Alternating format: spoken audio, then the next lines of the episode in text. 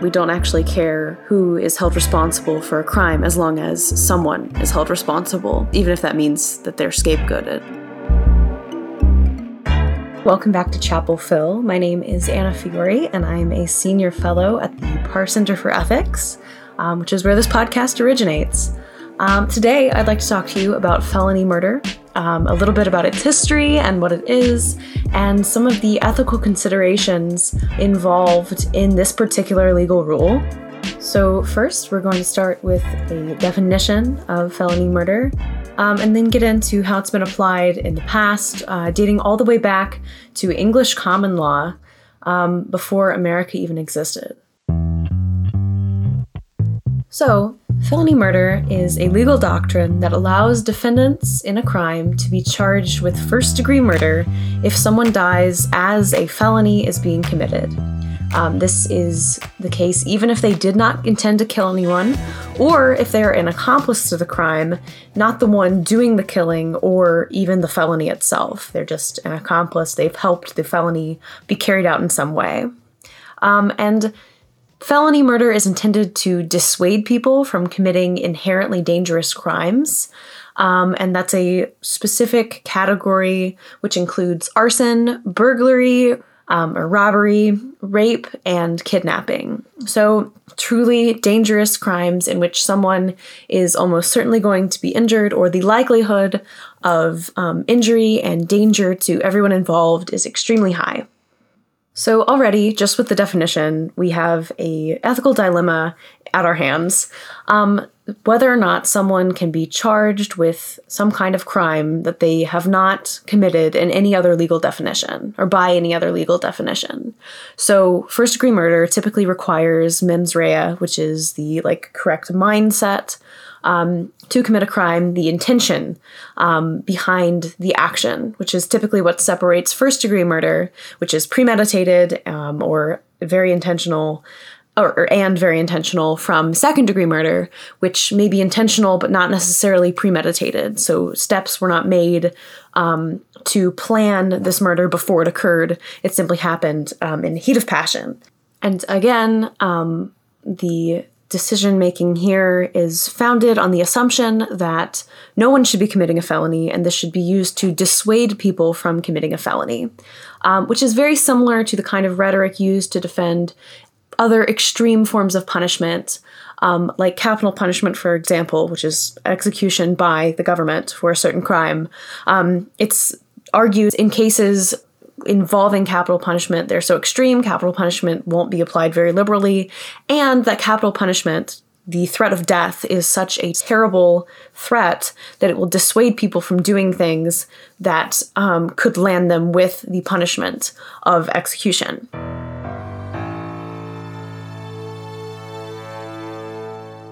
So instead of evaluating someone's actions we weight punishment based on its message to the general public. And I understand that criminal justice systems must take into account the like gross aggregate um, societal effect of their rulings on the general public. Um, and I, I, totally understand that mindset. My concern, though, is that people are being um, un- unduly punished and very harshly punished not because of their own actions, but because we are hoping, with relatively no proof, that they might be serving as examples for other people and preventing crime. Um, the problem with this is that we don't really have a good way of determining whether or not this actually dissuades people from committing crimes that would land them with a similar kind of punishment. Um, so it's unclear whether or not this is actually a good way to go about determining the efficacy of a punishment and the proportionality.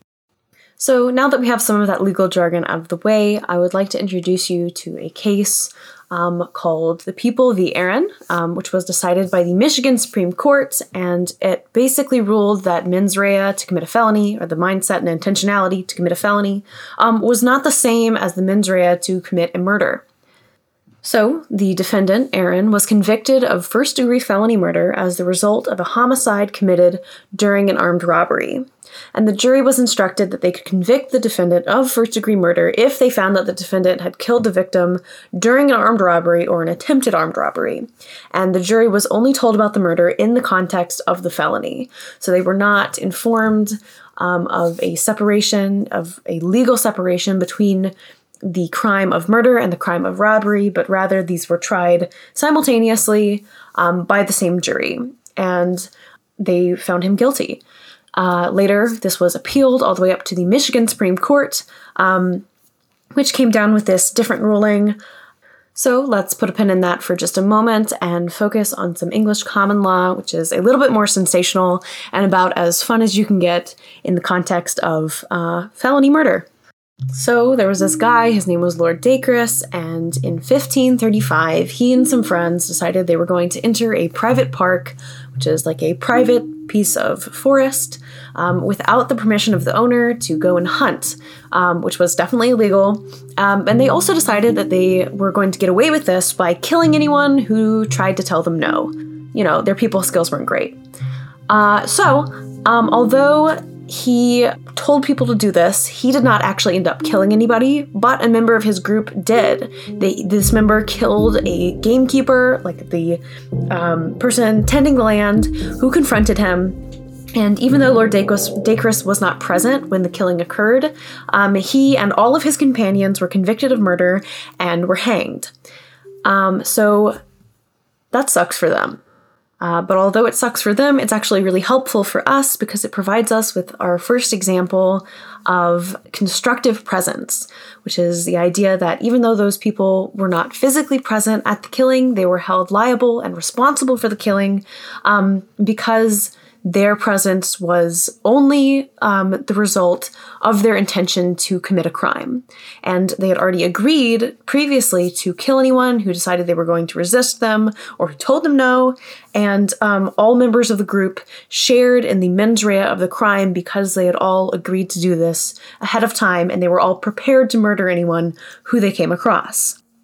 So, from these two cases, the people v. Aaron and Lord Dacres, we have two conflicting ideas that come into play in felony murder. The first is um, the mens rea to commit one crime is not the same as the mens rea to commit another. So, if you intend to commit a felony, you do not necessarily intend to kill someone, um, and so you maybe shouldn't be tried for that. And then we have the much older rule um, of constructive presence, which is the idea that you are intentionally going to commit a crime and thus you have some inherent purpose that is linked um, to that crime purely by your presence. And frankly, I think the problems with mens rea being a like legal test and something that is considered in court uh, when convicting people are pretty obvious. Um, we can't actually know someone's state of mind except for what they tell us, and miscarriages of justice happen all the time because of miscommunications. But constructive presence to me does seem to be fairly compelling. Uh, that if you are going into a situation knowing that you're going to do something. Um, and this also kind of gets into this inherently dangerous categorization of crimes.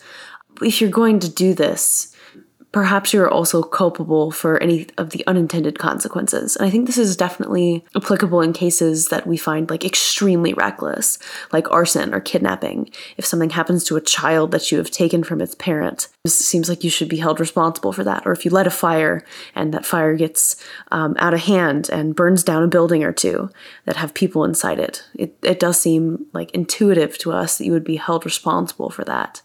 But when it gets to being held accountable for the actions of people besides yourself that are simply accomplices to the crime that you're committing, I'm not convinced that there is an intuitive appeal to culpability.